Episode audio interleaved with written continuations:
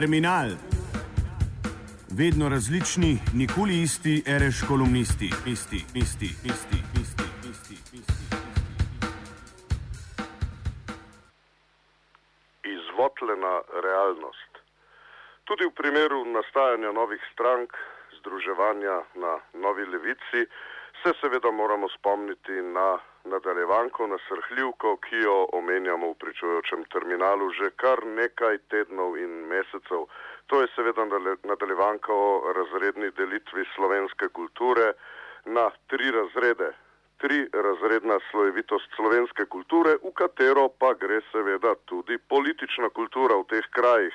Namreč alternativna kultura kot tisti zadnji, spodnji, tretji razred, ki je bil na železnicah ukinjen, recimo tam z drugo svetovno vojno in tako imenovano revolucijo.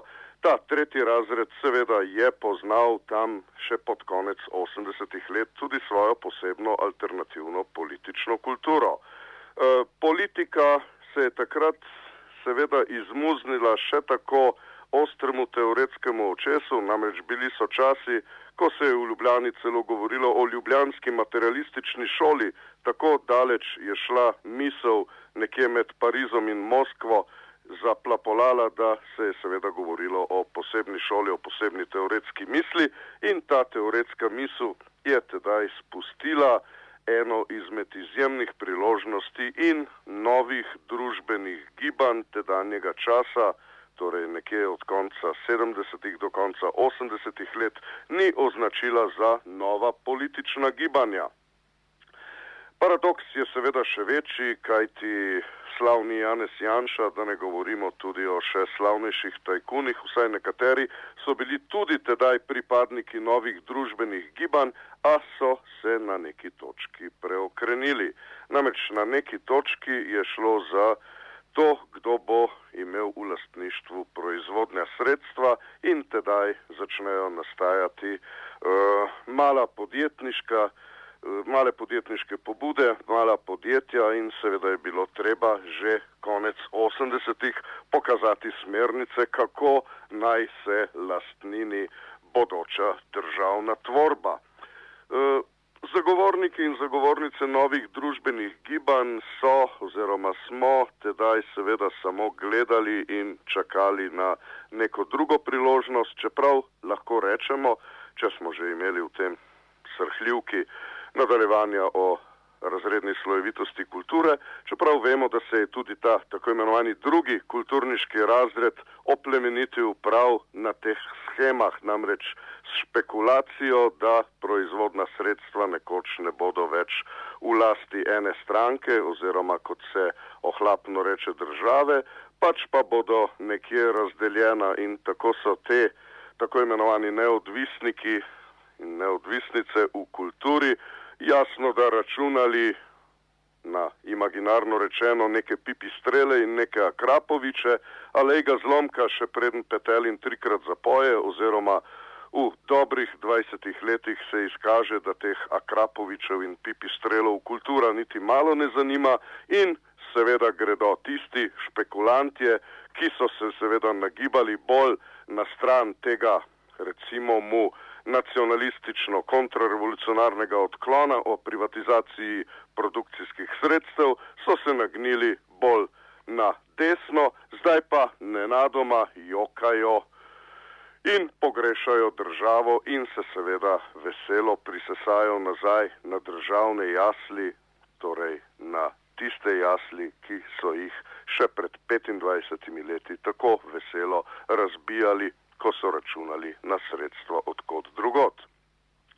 So pa med nastajanjem nove levice, novih strank, seveda še neka druga nelagodja, namreč eh, nelagodja, ki segajo v alternativnem spominu nekoliko dlje in se sprašujejo približno takole.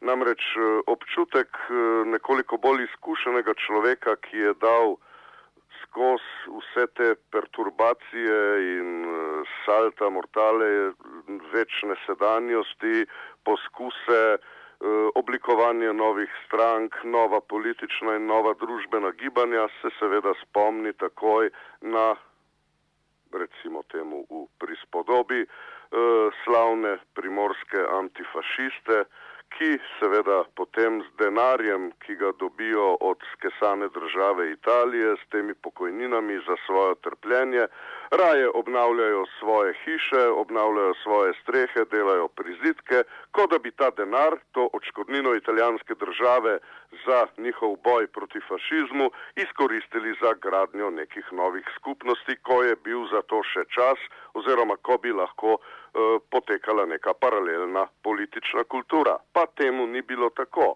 Zaradi takšnih reči, metaforično rečeno, smo vedno skeptični, eh, da bo prišlo do podobnih ravnanj v slehrnem trenutku. Namreč, tudi če nam rudarji še tako dokazujejo, kaj pomeni razredna zavest, pa dobro vemo, kako je s človeško zavestjo samo. O tem nam nekje v opombi slikovito pove vse in še več Louis Althusser. Namreč, eh, ko trči na problem zavesti, človekove zavesti, se spomni na stari francoski pregovor, ki gre takole. Vol se trudi v temperaturi 45 stopinj orje in se trudi in se muči, na kar mu muha prileti na čelo in reče: Orjemo! Tako približno pravi Altiser, tako je tudi s človeško zavestjo in nadaljuje v popolnoma drugih smereh svoje lastne srhljivke o podtalnem uh, gibanju materializma srečevanj.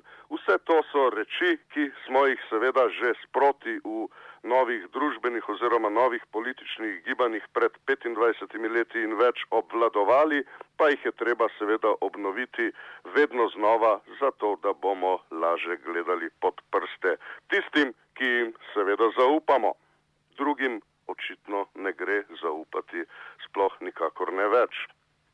Kdor je zadnjič morda prelistal zadnjo številko reporterja in reporter je recimo temu še mainstream glasilo slovenske desnice, ni toliko natovcevaški kot kakšna druga glasila oziroma spletne pojavnosti, eh, se seveda lahko vpraša, ali je v tistem pisanju sploh še kaj verodostojnosti. No, ko si je govorec tehle vrstic privoščil po dolgem času listanje eh, tega reporterja, Eh, ga je neka trditev pri panegiriku pokojnemu zdravniku, patologu in likovniku Antonu Dolenc uznemerila in je šel takoj preveriti.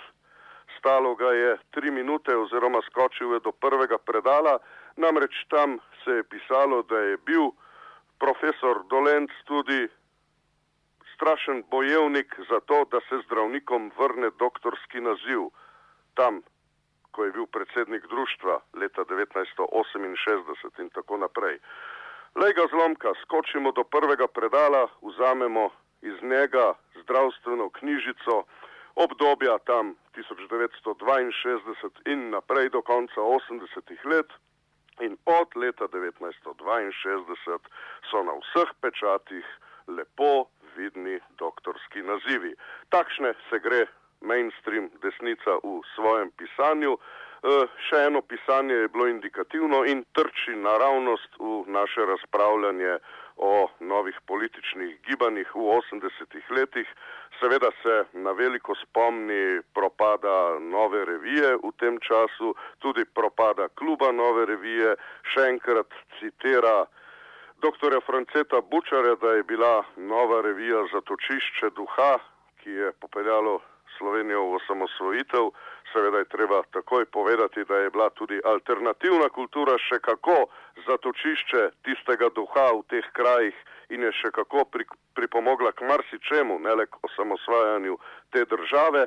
No in ko zasledimo uh, še en panegirik, uh, še, eno, še en hvalospev klubu Nove revije na celih dveh, treh straneh, Eh, se seveda vprašamo še nekaj. Namreč eh, v tistem hudomušnem prispevku si je avtor dovolil spomine na druževanja v klubu Nove revije, ki pa so videti približno tako, oziroma tudi naša lastna izkušnja pravi, da je temu tako, eh, da so se tam zbirali osebki, ki če se spet izrazim metaforično ali pa tudi ne, ne bi imeli v AKC Metelkova vstop v nobenega od javnih prostorov. Takšni so namreč bili. E, pa ni treba razglabljati o tam označenem karizmatičnem Niku Grafenauerju, ampak se kar zazremo v dogajanje v tamkajšnjih krogih in vidimo, brez seveda moraliziranja z golimi dejstvi, zakaj je v bistvu šlo. Gre za tako imenovane družbene prispevke in dvomimo, da na cesti, v vsakdanjem življenju, v razgovorih, da imajo te ljudje kakršen koli družbeni prispevek. Podobno kot sva se zadnjič pogovarjala s starim tovarišem, namreč v zvezi s nedavno pokojnim kantautorjem Tomažem Pengovom sva ugotovila isto. Vse dobro o mrtvih, seveda vse priznanje glasbeni dejavnosti Tomaža Pengova, to da na družbeni ravni se mu je bilo najbolje izogniti. Po domače povedano, to vrstni osebki niso družbeno prispevali k tem krajem prav nič. Takšna zadeva se seveda uh, poja po glavi ljudem, ko se ukvarjajo z vsakršnimi nastavki obnovljenih gibanj, novih gibanj, ker se seveda uh, to vrstne zadeve mešajo že od izpred 25 let naprej. Uh, v neki vrtoglavi hitrosti, ki bo seveda treba dodati še in še plina oziroma vprašati za zaključek današnjega terminala tole.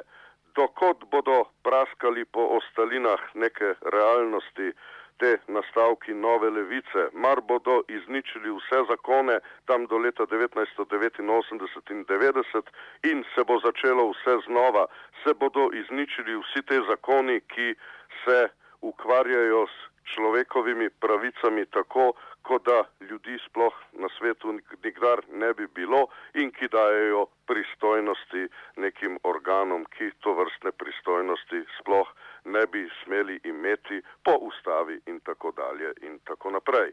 Na teh točkah, pri teh zakonskih podlagah, ki seveda večji del z uredbami, z nekimi aneksi urejajo več kot sam zakon in kjer se zakoni množijo stran od javnosti še in še, sploh v zadnjih desetih, petnajstih letih, na te točki se gre seveda večkrat spomniti, kaj je profesor Božidar Debenjak pri zgodovini marksizma večkrat poudaril. Poudaril je namreč tole ne pozabimo, da nacistična Nemčija nikdar ni kršila svojih zakonov, torej zakonov, ki jih je sama sprejela. Tako približno je seveda z zakonskimi podlagami v sleherni demokraciji, pri slehernem demokratičnem izvoljenem subjektu, ki si potem seveda na tej zakonski podlagi lahko ureja marsikaj. In še in še bo seveda treba paziti pri novih strankarskih gibanjih, če jim tako lahko rečemo, eh, kako se bodo obnašala do obstoječe zakonodaje, kako se bodo znašla sploh v tem neskončnem brlogu, zatrpanem s papirji, s členi, z aneksi in uredbami, ki seveda eh, povzroča tudi birokratsko strahovlado oziroma kako narediti potem konec te birokratski strahovladi, da se bo začelo lahko živeti kolikor toliko normalno in seveda lahko trdimo, da prav z vrnitvijo na izhodišče tam na leto 1989 in 90 bi se lahko dogajalo marsikaj in v tistem kontekstu, v kontekstu tistega časa, mehkobnega vladanja Zveze komunistov in tako dalje in tako naprej, bi se seveda bilo smiselno vprašati, pa se vrnimo na polje kulture in alternativne kulture, kdaj bomo pretresli sistem financiranja kulture, ki je tak, kakršen je tam od ustave leta 1974 naprej. Namreč Jugoslavija kot suverena država je delila sredstve, sredstva za kulturo na n različnih načinov pred to ustavno določbo leta 1974, po kateri ne bi bil več možen niti pričujoči radio, po kateri ne bi bila možna množica dejavnosti, ki so nastajale na alternativnem polju tam od 50 let naprej, po kateri ne bi bil možen nikakršen nikakršno študentsko kulturno društvo Forum in na vse zadnje naša teza, ki nas čaka za prihodnič, je, če bi sistem financiranja ne upošteval obdobja pred ustavno določbo leta 1974, ki nekako v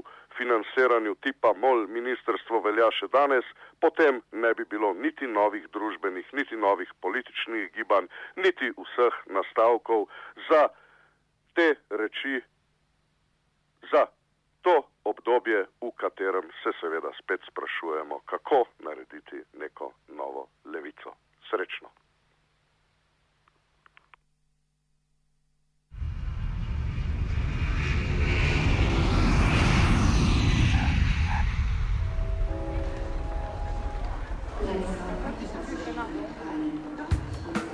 Terminal vedno različni, nikoli isti, reš kolumnisti, isti, isti, isti, isti, isti, isti.